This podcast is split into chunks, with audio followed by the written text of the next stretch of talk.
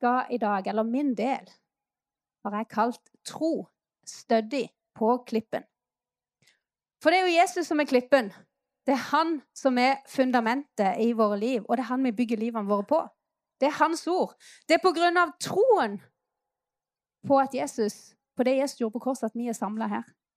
Det er på grunn av troen av at han døde og sto opp igjen, at vi er samla. Det er på grunn av troen på at han tok på seg all skyld, all skam, all smerte, all sykdom, at han satte oss fri, at vi er samla her. Det er av troa på at det verket han gjorde, det var nok. Det er ferdig. Det er derfor vi er samla. Det er ikke av at vi kanskje er så veldig like, eller vi har en, så mange felles interesser. Men det er av Jesus. Av det verket som han gjorde på korset.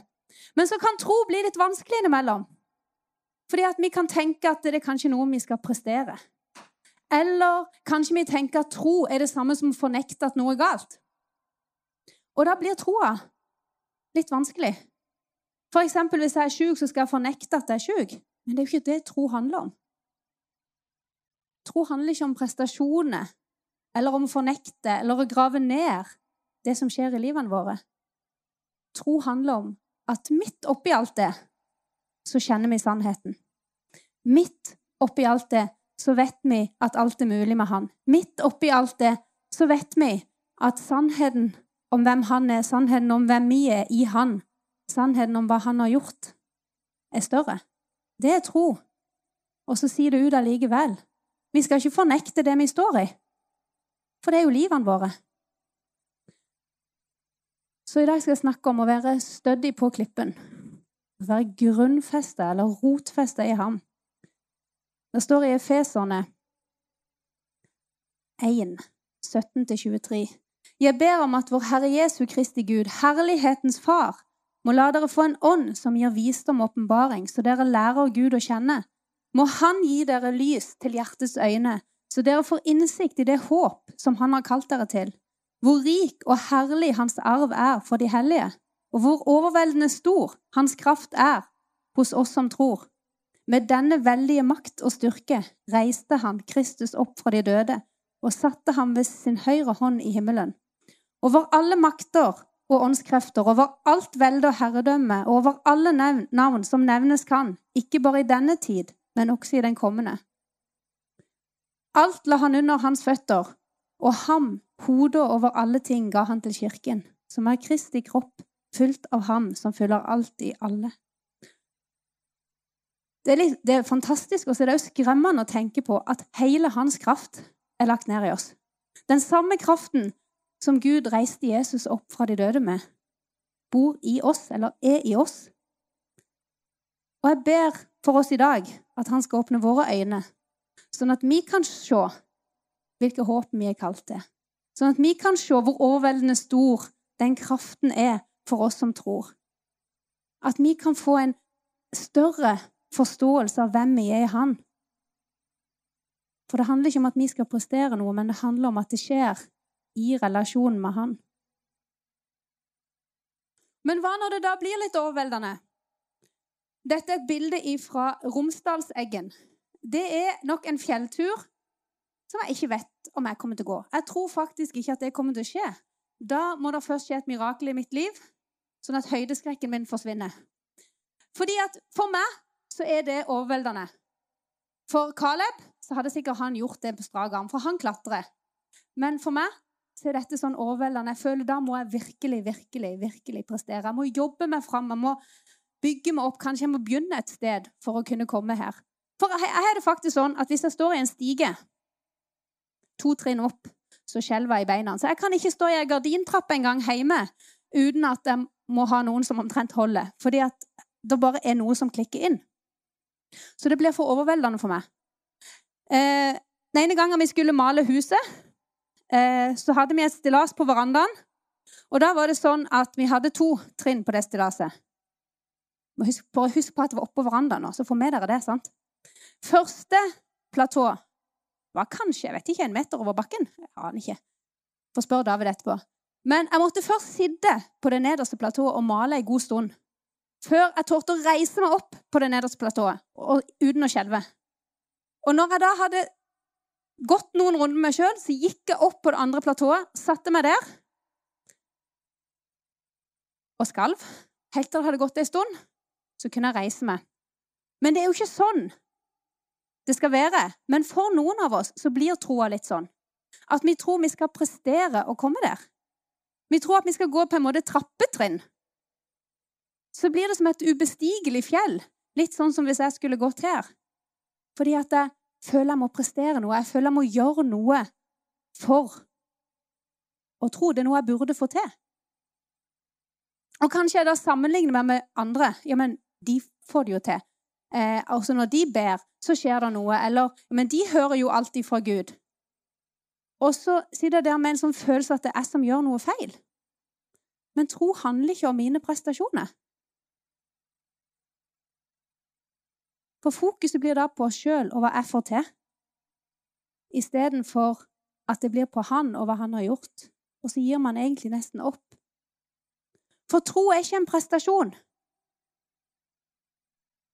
Det handler ikke om å gå i gradene, men det handler om relasjonen til Jesus. For å bruke et annet bilde, da. Jeg er òg litt mørkredd, spesielt hvis det er helt mørkt. Da vil ikke jeg gå alene ute i en skog. Sånn er det bare. Men hvis jeg har med meg noen, så er det faktisk ikke et problem. Det kan godt være det hadde hjulpet om jeg hadde hatt med Simon. Det er ikke sikkert jeg hadde trengt David. Men bare det er noen andre der som går sammen med meg, så føles det så mye tryggere for meg. Relasjonen med Jesus handler om at vi går sammen med han. Vi skal ikke gjøre det alene. Vi skal ikke gå alene. Vi skal ikke prestere tro, men vi skal gå sammen med han som er troens opphavsmann og følgener.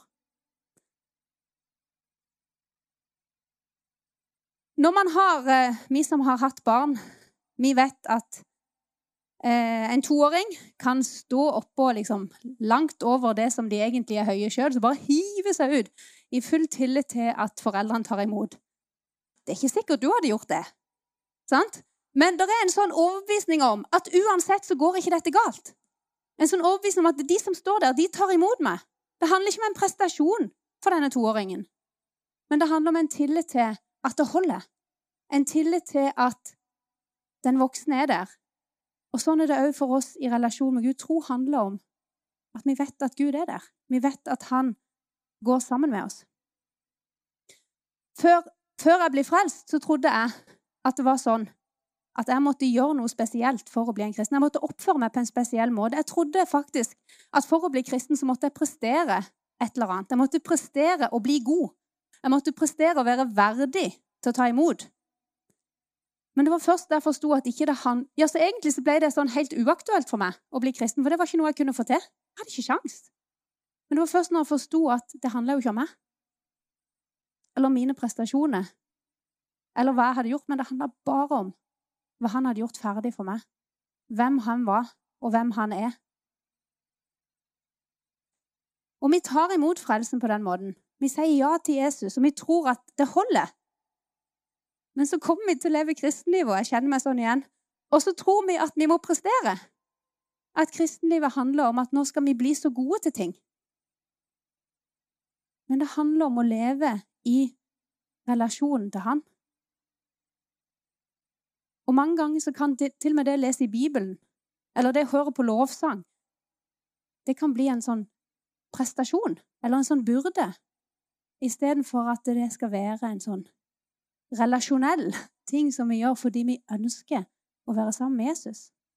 For det handler ikke om om, om jeg hører på lovsang en time til dagen, eller om du hører to timer. Det handler om relasjonen. Det handler om at vi gjør det fordi det er bra for oss, fordi vi ønsker å leve i en relasjon til Han.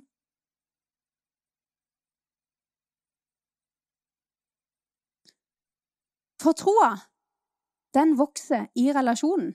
Og vet du noe, du er god nok akkurat sånn som du er.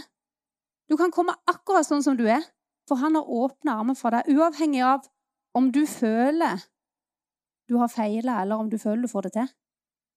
For det eneste han ønsker, det er en relasjon. Ikke fordi du må, men fordi vi har muligheten. Fordi vi kan. Fordi vi får lov til å være sammen med, det, med han. For han er like nærme som pusten. Og vi kan ikke prestere det. Det handler om relasjon. Det står i Jeremia 29,11. For jeg vet hvilke tanker jeg har med dere, sier Herren, fredstanker og ikke ulykkestanker. Jeg vil gi dere framtid og håp. Og i Salme 139, 16-18, står det Dine øyne så meg da jeg var et foster. Alle dager er skrevet opp i din bok. De fikk form før en av dem var kommet. Dine tanker, Gud, er dyrebare for meg. Summen av dem er ufattelige.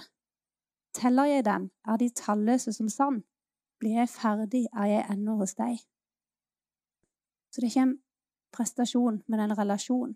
Han har gjort alt ferdig. Det står at tankene, hans tanker må se talløse som sand. Så står det i det andre verset at det er bare gode tanker. Tanke til framtid og håp.